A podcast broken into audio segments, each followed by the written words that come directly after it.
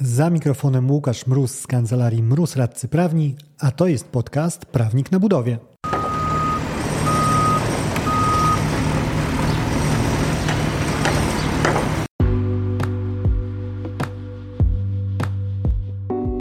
Z tej strony mikrofonu radca prawny Łukasz Mróz, a to jest podcast Prawnik na Budowie, w którym mówimy o wszystkim, co związane z kontraktami budowlanymi. Kolejnym odcinku cyklu Zatrzymaj się przy tym czytając umowę, kwestia robót dodatkowych i zamiennych i postanowień z tym związanych. Ale zanim, małe zaproszenie na szkolenie. Szkolenie umowy budowlane 3.0, które poprowadzę 18 i 19 listopada w Warszawie. Tak, to dwudniowy event z dużą dawką praktycznej wiedzy. Link opisujący szczegóły tego szkolenia znajdziesz w opisie tego odcinka, a również możesz zasięgnąć języka pisząc na szkolenia małpa kancelariamroz.pl. A teraz do rzeczy. Ponieważ możliwość pojawienia się w toku realizacji inwestycji robót dodatkowych czy zamiennych jest bardzo prawdopodobna, umowy często zawierają postanowienia dotyczące tej sytuacji. Jednak w zależności od tego, jak zostały one napisane, mogą one stanowić albo bardzo przydatne, pomocne narzędzie elastyczne do reagowania na potrzeby inwestycji, bądź też taką niedźwiedzią przysługę, którą wyrządziły sobie same strony, wpisując te rzeczy w paragrafach umowy. Jakie pytania warto sobie zadać przed zawarciem umowy, żeby nie trafić do tej drugiej kategorii strzelców kolannych? Sporo tego, ale weźmy na warsztat trzy punkty.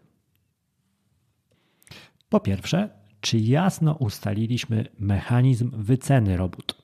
Nie określając w ogóle na jakiej zasadzie kalkulujemy wartość prac, szeroko otwieramy drzwi sporom.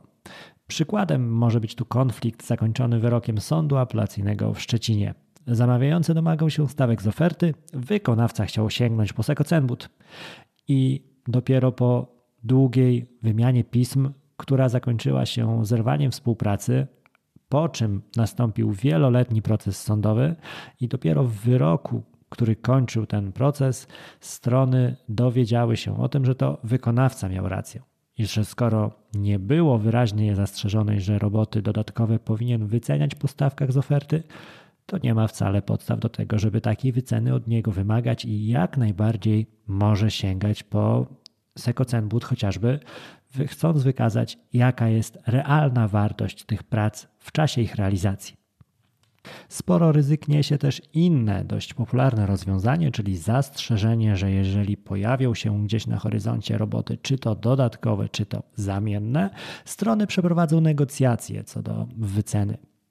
Wystawiamy się wtedy na ryzyko tej niewdzięcznej sytuacji, a nie ukrywam, że wcale nie mało prawdopodobnej, w której e, zarówno inwestor, jak i wykonawca będą proponowali uczciwe pieniądze za dane prace. Sęk jednak w tym, że okaże się, że uczciwość jednej i drugiej strony będzie wyrażała się rozbieżnymi kwotami. I w tym miejscu zaczną się schody co do tego, kto jest tutaj nie w porządku, kto prowadzi negocjacje w złej wierze. Finalnie dobrymi intencjami wrzucamy się w klincz godny bokserskiego ringu. Rzecz druga. Co traktowane jest jako podstawa szacowania prac? Powiedzmy, że po odsłuchaniu tego pierwszego punktu, o którym mówiłem, dodaliśmy jednoznacznie zdefiniowany sposób wyceny, co jednak traktowane jest jako punkt referencyjny. Każda z popularnych opcji ma swoje plusy, ale ma też mankamenty. Oferta? Przy dłuższych kontraktach ryzykujemy jej dezaktualizacją. Wielu przykładów dostarcza tutaj obecna sytuacja rynkowa. Mniejszym drukiem dodam problem wykonawcy wynikający z tego, że robotami dodatkowymi czy zamiennymi mogą okazać się akurat te, które nie były, powiedzmy eufemistycznie, najbardziej marżogennym elementem oferty. Jeżeli one akurat wypadną z całego zestawienia, może być to dotkliwe finansowo.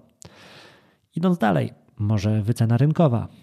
Inwestor może z co najmniej lekkim brakiem zaufania podejść do ofert złożonych przez wykonawcę na potwierdzenie tejże rynkowej wartości pracy. Bo gdzieś tam w tle może mu krążyć myśl, no skąd mam wiedzieć, że nie ustawiliście sobie tych odpowiednich wycen z kontrahentami, żeby mnie skasować na właściwe dla Was pieniądze. W końcu Może ten sekocenbut, o którym rozmawialiśmy w poprzednim punkcie? Cóż, no, jeżeli chodzi o aktualność, czyli de facto realność stawek, takim wydawnictwom niekiedy bliżej jest do tempa publikacji telegazety niż do strony TVN24. No, raz jeszcze tutaj wiele przykładów dostarcza obecna sytuacja rynkowa. Kończyć powinno się właściwie pozytywnym akcentem, tak mi się przynajmniej wydaje, ale pozwolę sobie przełamać ten trend i wrzucić na koniec coś, co pozytywne, przynajmniej z perspektywy wykonawców, absolutnie nie jest, czyli klauzula pracuj, a o pieniądzach porozmawiamy później. Spotykana w różnych wariantach. W praktyce sprowadzająca się do tego samego efektu. Działa to w ten sposób. Jeżeli roboty dodatkowe bądź zamienne mają być wykonane, to mają być wykonane. A że nie jesteśmy w stanie dogadać się co do kosztów? Cóż, porozmawiamy w międzyczasie, a teraz zapraszamy na front robót. Może się okazać, że rozmowy na, na niewiele się zdadzą. I w takim układzie wykonawca rozszerza swoją działalność o usługi konkurencyjne wobec instytucji finansowych, które dostarczają środki pieniężne do prowadzenia inwestycji. Jest wprawdzie cień satysfakcji, że można dodać nową pozycję w CV czy w zakładce co realizujemy na firmowej stronie www. dopisać właśnie finansowanie inwestycji ze swojego portfela, przynajmniej przejściowo, jednak nie zawsze zrekompensuje to co najmniej tą właśnie przejściową dziurę w budżecie. W każdym razie to jest pozycja, która powinna włączyć syrenę alarmową w siedzibie wykonawcy w momencie, kiedy czyta on projekt kontraktu. Trzy rzeczy paśmiały, trzy padły, także w poczuciu spełnionego obowiązku kończę odcinek i zapraszam do kolejnego.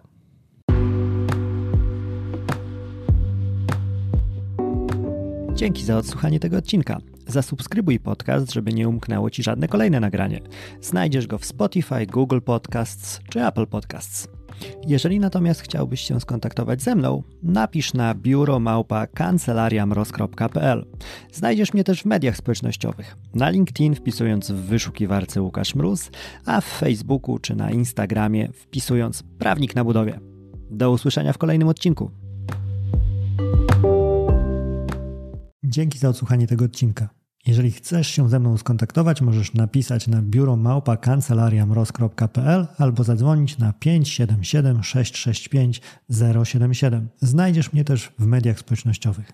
Na LinkedIn jako Łukasz Mróz, a na TikToku, Facebooku i Instagramie jako Prawnik na Budowie.